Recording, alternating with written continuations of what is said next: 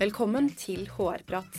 I denne podkasten intervjuer vi HR-ledere, ledere og andre spesialister på sitt felt for å diskutere de utfordringene som dagens HR-ledere står overfor. Vi tar opp temaer innen ledelse, organisasjon, arbeidsrett og praktiske utfordringer innen HR. Mitt navn er Lene Gjevert, og jeg jobber som HR-manager i Visma. Velkommen til ny episode av HR-prat. Dagens tema er mangfold og inkludering. Og for å snakke om dette har vi invitert Marte Albertine Indergård. Velkommen til deg. Takk skal du ha. Kan ikke du begynne med å fortelle oss litt om deg selv? Ja, eh, jeg eh, jobber i PwC, eh, som de fleste sikkert har, har hørt om. Jeg har vært der nå i ja, det blir vel snart seks år. Og jobber i HR-avdelingen der. og Har hatt veldig mange forskjellige ulike roller, men en av de da er jo inkludering og mangfold. Og det var ikke en rolle som jeg Eh, ble ansatt i, kan du si. Det er noe som virkelig har liksom trengt seg frem, da. Ja. Gjennom alle de andre rollene som jeg har hatt, deriblant HR eh, Business Partner. Jeg har ledet hele HR Business Partner-teamet vårt. Jeg har sittet som leder for vårt Center of Excellence. Eh, og har hatt egentlig både operative og strategiske roller i, i HR gjennom alle disse årene. Og så har dette med inkludering og mangfold eh, vært noe som jeg har bare brent for, og som har på en måte blitt en sånn naturlig del av alt jeg har gjort, egentlig. Så nå, nytt, nytt av året er jo da at jeg har fått eh, Head of People Experience-tittelen, hvor, hvor, jeg får lov til å eie området internt. Da. Så det er kjempe, kjempegøy. Så bra. Mm. Og dere har jo kommet et stykke med arbeidet knyttet til mangfold og inkludering. Eh, kan du fortelle om hvordan dere har strukturert det arbeidet? Ja, eh, og det har jo vært eh, holdt jeg på å si, en lang og, og, og brukete vei. Og jeg eh, er jo ikke her for å overselge eh, alt det perfekte som, som vi i PwC gjør, men vi har kommet et godt stykke på vei. Ja, og det er det jo mye læring i. Det, ikke sant. Ja. Eh, vi har gått på trynet mange ganger og har fremdeles, det kommer vi til å gjøre i tiden som kommer fremover også, helt garantert. Men vi har i hvert fall sett viktigheten av å få på plass noen strukturer som, som hjelper oss på vei. Mm. Eh, blant annet eh, noen sånne forum, eller noen sånne boards.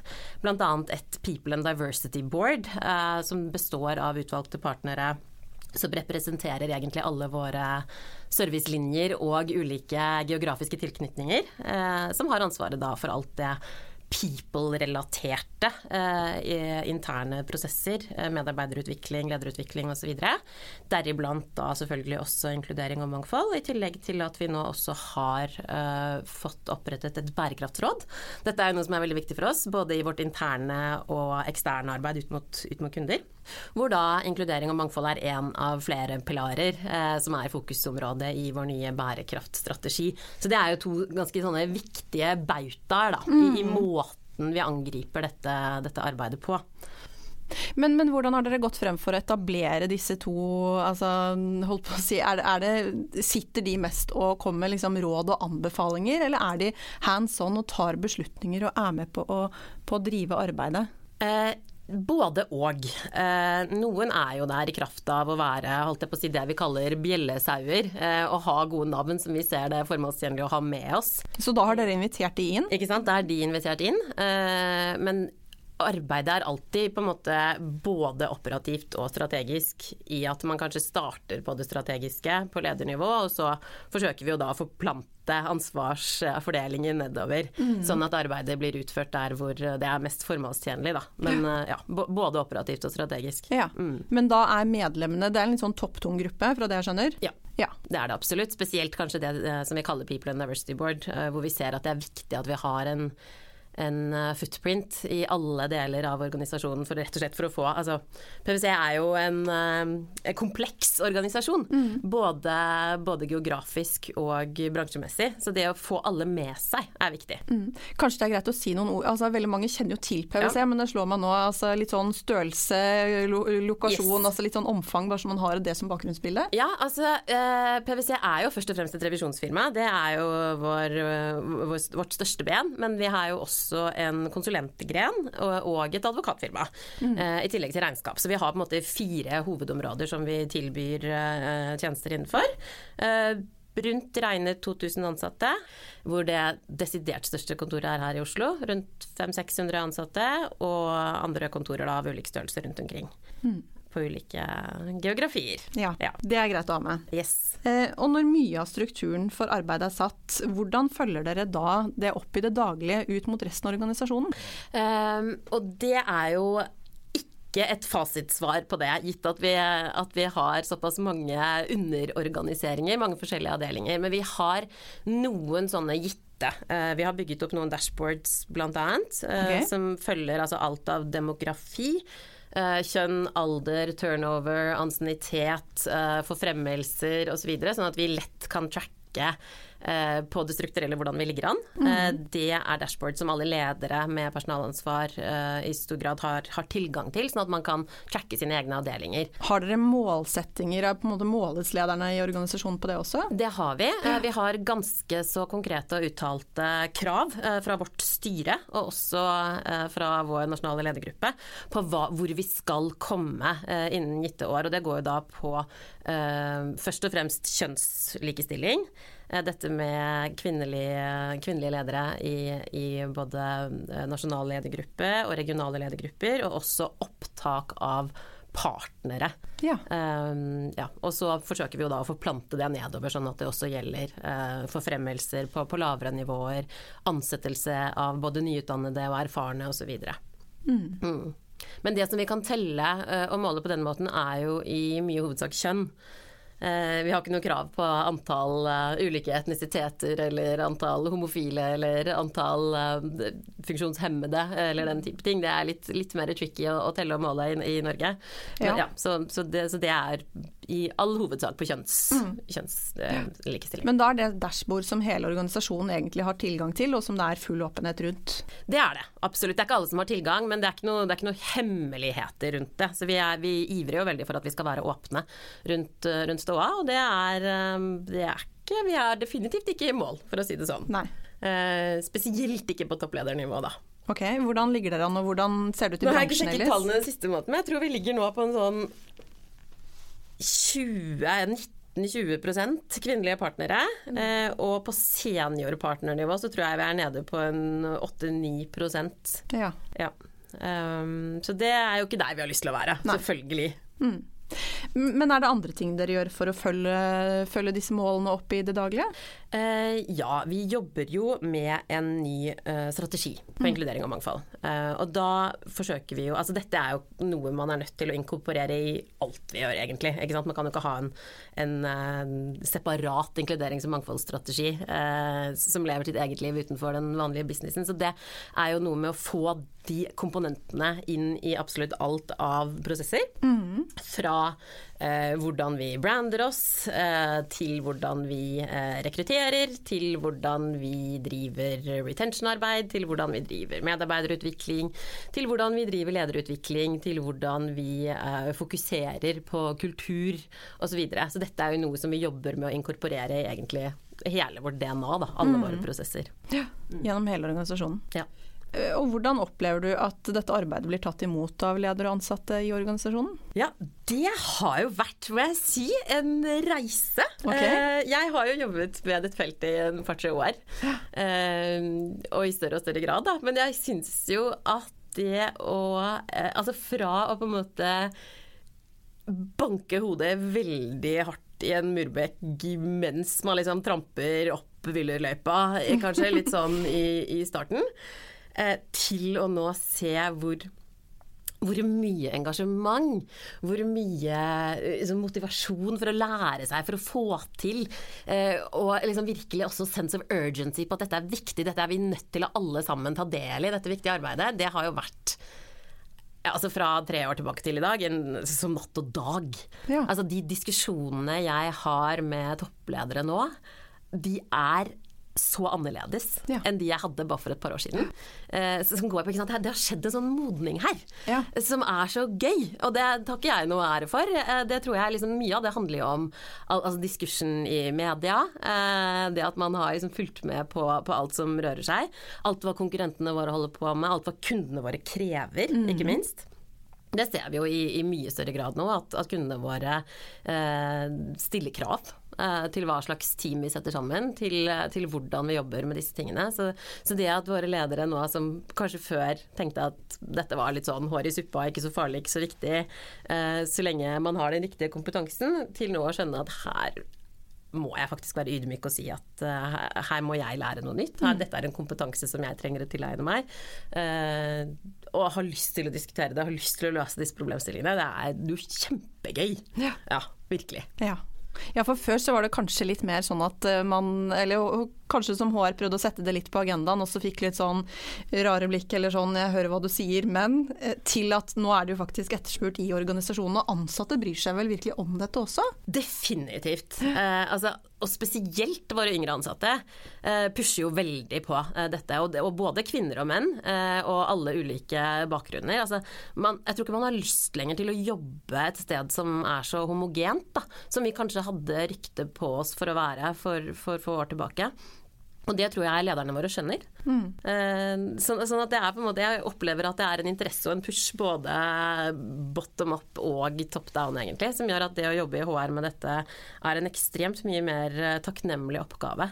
Eh, det er ikke sånn 'hør nå her, jenta mi' uh, lenger. Man blir liksom ikke mansplained på, på, samme måte som man kanskje ble for en, eh, for en ikke så veldig lang tid tilbake, da. Mm. Og det du har fortalt om så lenge er jo utrolig spennende, men mye handler jo om struktur og prosesser. Eh, hvordan sikrer dere gjennom det arbeidet dere er i gang med, at dere klarer å skape en inkluderende og mangfoldig kultur?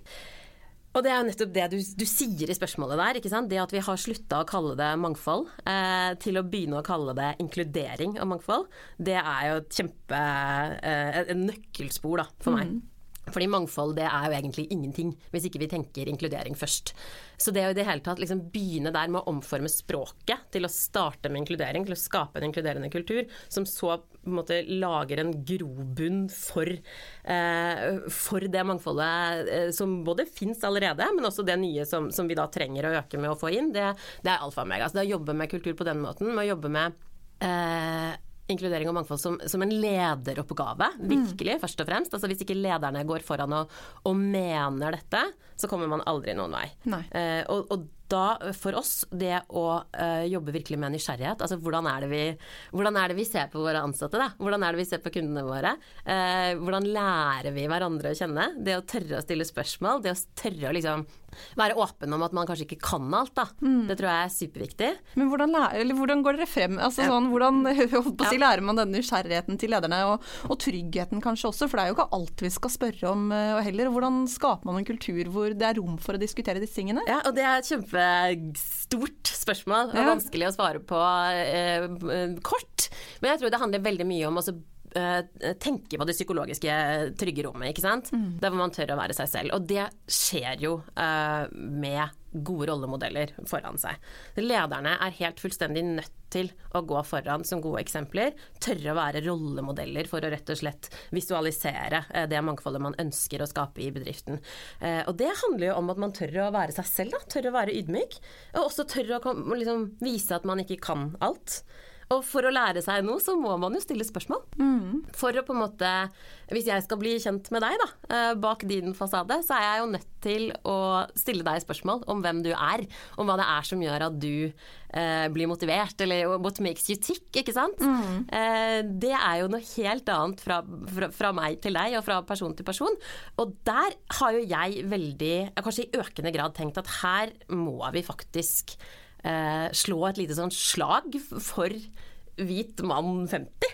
Mm eh, og, og det, fordi det tross alt er majoriteten blant våre ledere. Da. Ja. Eh, og her har jo jeg kanskje gått en, en, lang vei i min egen modningsprosess også. Eh, hvor jeg må innrømme at jeg kanskje for noen år siden var veldig sånn skeptisk til, eh, til menn som kom til meg og sa at ja, men eh, jeg er jo ikke prikk lik som mine kollegaer, jeg heller. Altså bare sånn ja ja, dere har akkurat lik dress og er mm. akkurat ja, Ikke sant. Vi har ikke noen uniform, men det ser sånn ut. Det er så lett å bokse inn folk på den måten. Ja. Men jo mer jeg har jobbet med mangfold og skjønt hvordan man kan lykkes. Da. Så det å på en måte anerkjenne det mangfoldet som allerede er der, uansett hvor lite og betydelig det er, mm. det er stedet å starte. Ja. For det er ikke noe som heter hvit mann 50 som en kategori som er liksom helt homogen. Man har alle en eller annen quirk, en eller annen interesse, et eller annet som skiller en fra alle de andre mm. i, i ledergruppene sine. Og hvis man tør å stå fram og kanskje gjøre et litt sånn ekstra stort nummer ut av det, da. Og det kan være så lite og naivt som f.eks. Ja, ok, alle dere er her på Manchester United, da. Ok, men så så, så heier jeg på Liverpool, da. Eller kanskje jeg ikke bryr meg om fotball i det hele tatt, faktisk. Gjør et nummer ut av det. Ja. Gjør et nummer ut av din egen annerledeshet. Fordi da tror jeg du tenner en sånn liten spark i alle de rundt deg som ser deg. Eh, altså ikke Hvis du tør å være annerledes, uansett på hvor lite og ubetydelig område, så kanskje jeg tør å være litt mer annerledes. Og jo mer annerledes alle ansatte tør å være, jo mer anerkjent og enkelt tror jeg det blir å være nysgjerrig. Ja. Eh, og så sier jo du også at dette med ja, man skal ikke stille spørsmål om alt. Nei. Ikke sant? For det er noe som er liksom Det er noen sånne grenser her for hva som er eh, greit å snakke om på jobb. Eh, og de grensene er jo individuelle. Ikke sant? Det du kan spørre meg om, jeg som har veldig få grenser, det kan være virkelig Mitt beltested er ganske langt ned, for å si det sånn. Ja. Eh, mens det er jo individuelt for alle. Eh, og det fører meg tilbake til det poenget at hvis du virkelig mener alvor med mangfold, og med mangfoldsledelse eh, som felt, så må du anerkjenne at det er en kompetanse. Det er faktisk noe du er nødt til å lære deg. Eh, nysgjerrighet og, og det å stille spørsmål, det kan få deg langt, men du er allikevel nødt til å anerkjenne at noen sånne felter må du faktisk kanskje lese deg litt opp på, da. Ja. Har du en eh, muslimsk ansatt, så må du kanskje som et minimum i hvert fall vite ok, hva er halal, da? Når er ramadan? Når feirer du id? Altså Hvordan er det å være på jobb under ramadan hvis du faster, Ja. for eksempel. Sånne, sånne småting. Har du en, en ansatt innenfor LHBT, da, for eksempel, så er du kanskje nødt til å sette deg litt inn i hvordan det er å tilhøre en sånn type minoritet. For å vite ikke sant? hva er det greit å spørre om, hva er det ikke greit å spørre om. Ja, og så kanskje også ha en idé om hva er det som på en måte er noe, si, naturlige ting som man faktisk skal vite noe om. Altså ja, å være en del av den minoriteten, det er kjempefint å å kanskje ha litt bakgrunnskunnskap om, men det er kanskje, eh, kanskje ikke noen av de der typiske, stereotypiske spørsmålene man skal starte med. som er litt ikke. mer sånn gravete, snokete. Det gjelder jo også i forhold til religion og andre typer ting. Mm.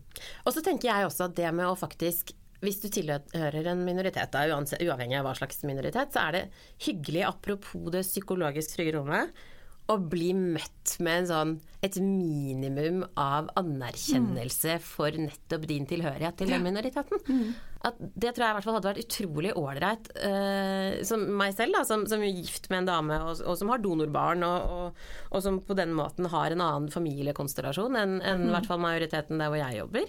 Uh, og få lov til å bli møtt av en leder som kanskje har gjort seg noen tanker rundt det. Uh, og som kan anerkjenne at min hverdag er litt annerledes. Måten jeg ser samfunnsagendaen på, politikken rundt familieplanlegging f.eks. Altså det, at det er noe mine ledere har et visst forhold til, det gjør jo at jeg føler meg ekstremt sett. Ikke sant? Men da handler det om genuin nysgjerrighet fra meg til deg som menneske, og ikke at uh, jeg snoker og graver og lurer på hvordan er det egentlig å være gift med en dame. Ikke sant. Og så tenker jeg at det er Og der det, det, snakker jeg jo litt med kona mi om òg, da. Eh, og der er vi ikke nødvendigvis 100% enige om hva som er fasitsvaret. For jeg mener jo vær så snill å spørre. Og ingen spørsmål er for dumme. Og det merker jeg jo kanskje litt sånn, og kanskje spesielt i et miljø som PwC, da, som jo er sant, bestående av noen av Norges fremste hjerner, er så smarte. Eh, og vi er så holdt jeg på å si, vi er så, vi er så kåmalt, for vi er så opplyste.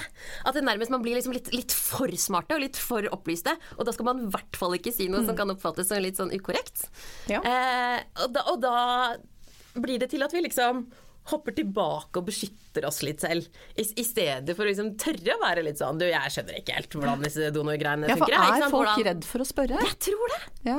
Jeg oppfatter, eller jeg vet ikke om det er redsel, men kanskje litt sånn man vil ikke såre, man vil ikke grafse, man vil ikke tråkke over. Det tror jeg er én side av det. Og det andre tror jeg er en litt sånn redsel for å kanskje virke dum. Shit, dette er kanskje noe jeg burde vite. Da er det litt enklere at vi bare later som at eh, vi later som ingenting, og så, Ja. så snakker vi bare om ja, hva har du gjort i helgen, og så, så anerkjenner vi Eller fotball, for guds skyld. Ikke sant? Ja. Vi må liksom snakke om den fotballen. Ja. Og jeg tror at hvis vi klarer å se litt forbi det, da, så får vi så mye mer. Mm. Ja. Vi får så mye mer ikke bare spennende diskusjoner i lunsjen, men vi får alle disse perspektivene.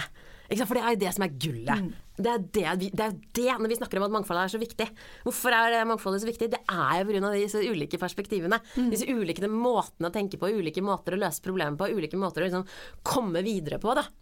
Det er jo gullet i det. Mm. Og hvis ikke vi klarer å ha de åpne samtalene uformelt, så tror jeg det blir veldig vanskelig å ha de formelle, problemløsende samtalene eh, på optimal måte også. Mm, da klarer man ikke å løse den der kvoteringsmålet som dere har satt dere med hvordan øke partnerandelen til mer enn de 20 prosentene. Eller det blir kvotering for kvoteringens ja. del, ikke sant. Og det ja. er jo kanskje det aller, aller tristeste, det, mm. jeg ser. I, i, mangfoldsfeltet, det er at man på en måte Ja, nei, vi har nå fått dette kravet på 40% kvinner i ledergrupper, så da da ser vi oss blinde på tallet. Ja. Altså tenker vi at når vi har fått det, da Ja, i fjor hadde vi 33% i år har vi 35% Topp, ikke sant. Da er vi på riktig vei. Det er liksom Nei! Det er vi jo ikke i det hele tatt. Hvis vi bare titter på tallene, så så får vi jo ikke med oss noen av de fruktene som vi mm. faktisk ønsker å få uh, ved, ved, å satse på dette. Mm. Du nevner jo dette her trygge rommet, og så nevner du kompetanse. Kan du si litt om hvordan man kan jobbe med å skape det trygge rommet for annerledeshet? Ja. Uh, og der tror jeg at det Eller jeg kan i hvert fall begynne å si hva jeg, hva jeg ikke tror funker. Ja. Uh, og det er jo denne pekefingeren jeg tror det er så lett, ikke sant, hvis man er kanskje spesielt en minoritet selv, eller har jobbet veldig mye med dette feltet, da, og er liksom overbevist om at man har skjønt det og sett lyset osv. Og, så og så er det jo, eh, med meg selv som, ikke som ydmykt eksempel, veldig lett å liksom komme med den derre ja, men herregud, dette har ikke du skjønt. Eh, kjære majoritet, eller kjære eh, hvite mann på 50. Du må skjønne at sånn og sånn er det ikke. Eh, jeg tror det er det er så lite konstruktivt å gå den veien. For jeg tror måten at man kan skape endring på, er å gi ekte aha-opplevelser. Og ekte aha-opplevelser og ekte empati, det tror jeg først man får hvis, hvis man klarer å skape opplevelser hvor majoriteten da får disse aha-opplevelsene. Innser at oi, shit, har jo, dette har jo ikke jeg skjønt. Hvis man klarer å skjønne det på en sånn positiv og ydmyk måte i det trygge rommet, mm. da tror jeg at da, da, har man jo skjønt det på egne vegne. Og da får man lyst til å endre eh, atferd. Endre, endre, syn på ting.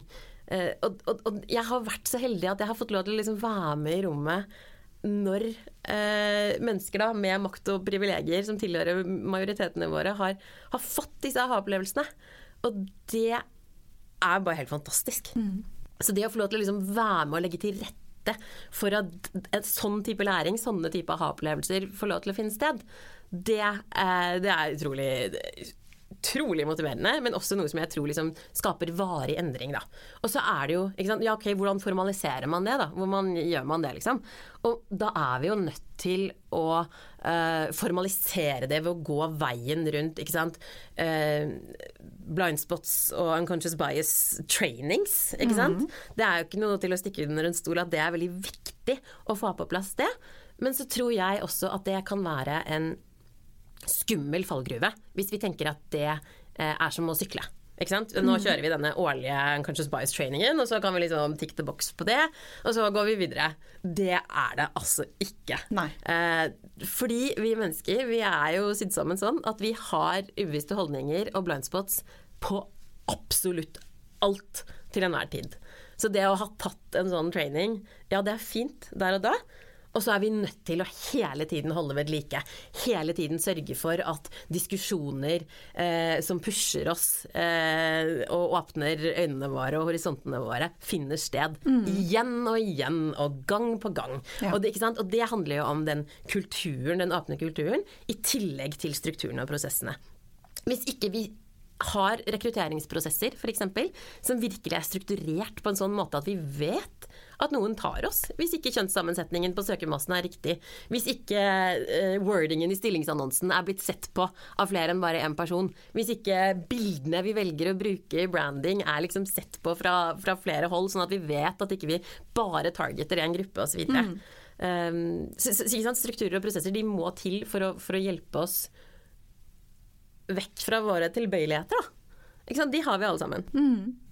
Så, de, så, training formalisert eh, er kjempeviktig, men det uformelle minst like viktig. Ha en kultur hvor vi kan utfordre hverandre, hvor vi egentlig heier på at når vi sitter og diskuterer og alle sammen er rørende enige, så blir det nesten applaudert når du stiller det kritiske spørsmålet. Ikke sant. Rett og slett. Og hvis det blir kulturen, hvis det blir en sånn Oi, shit, der, nå var jeg jo veldig fordomsfull. Eller åh, gud, nei, nå har jeg glemt ikke sant? Hvis det, hvis det blir helt sånn vanlig, da, Mm. å gjøre det, da er det jo heller ikke noe stress å si fra. Mm. Da kan jo jeg si til min sjef Hei, du, nå, nå tenkte vi kanskje litt homogent her, eller dette var kanskje ikke helt den veien vi Og så kan vedkommende si nei, du har helt rett. Glemte meg. Ja. Det er så menneskelig. Vi gjør det alle sammen hele tiden. Ja. Ja.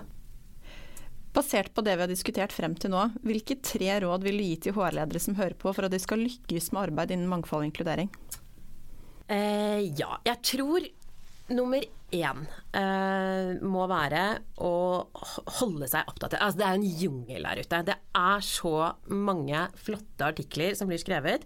Så utrolig mye spennende forskning. Så det å gå i dybden og holde seg oppdatert for å virkelig sørge for at man har de gode argumentene til enhver tid, det tror jeg er superviktig. Eh, og i forlengelsen av det også sørge for at nettverket ditt er relevant. Eh, ikke, ikke bare gå deg vill i din egen organisasjon, men, men sørg for at du også har et godt og spennende nettverk eksternt. Eh, sørg for at du har eh, mangfoldige mennesker med ulik kompetanse som du selv omgir deg med. Eh, sånn at man ikke selv går i sin egen felle, da. Det tror det er kjempeviktig. Og så tror jeg nummer to eh, å tørre å være litt uredd. Eh, jeg tror vi, og Spesielt i HR så er det jo Det er jo noen sånne Altså Man kan jo bli mottatt med skepsis, ikke sant. Og man kan bli eh, ja, mottatt som eller med stengte dører, da. Hvis man ikke klarer å, å komme med budskapet på riktig måte. Så, så jeg tror det å være uredd, men på en sånn måte at Hvordan skal jeg formulere det? Vær litt uredd, men spissfindig, kanskje. I, måten man, I måten man selger budskapet på. Sånn at du er liksom sikker på at du kommer inn og, og knytter til deg eh, de, de riktige navnene, de strategiske navnene, for å skape endring i, i egen organisasjon. Ja, og nummer tre tror jeg er dette med eh, å telle og måle, som vi har vært inne på, det tror jeg er kjempeviktig. Å tracke at man er på riktig vei. Men husk at det er et verktøy, og ikke målet i seg selv. Ja. Ikke sant? Og alltid huske på i bakhodet hvorfor gjør vi dette? Hva er vår visjon med vårt inkluderings- og mangfoldsarbeid? Ha det i bakhodet.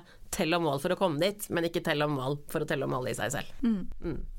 Tusen takk for gode råd, og tusen takk for at du kom. Det er hyggelig. Og til deg som hører på, vi prates. Hvis du har temaer eller spørsmål du ønsker vi skal diskutere, send oss gjerne en mail på hrprat.visma.com. Og for flere episoder, sjekk ut visma.no slash podkast slash hrprat.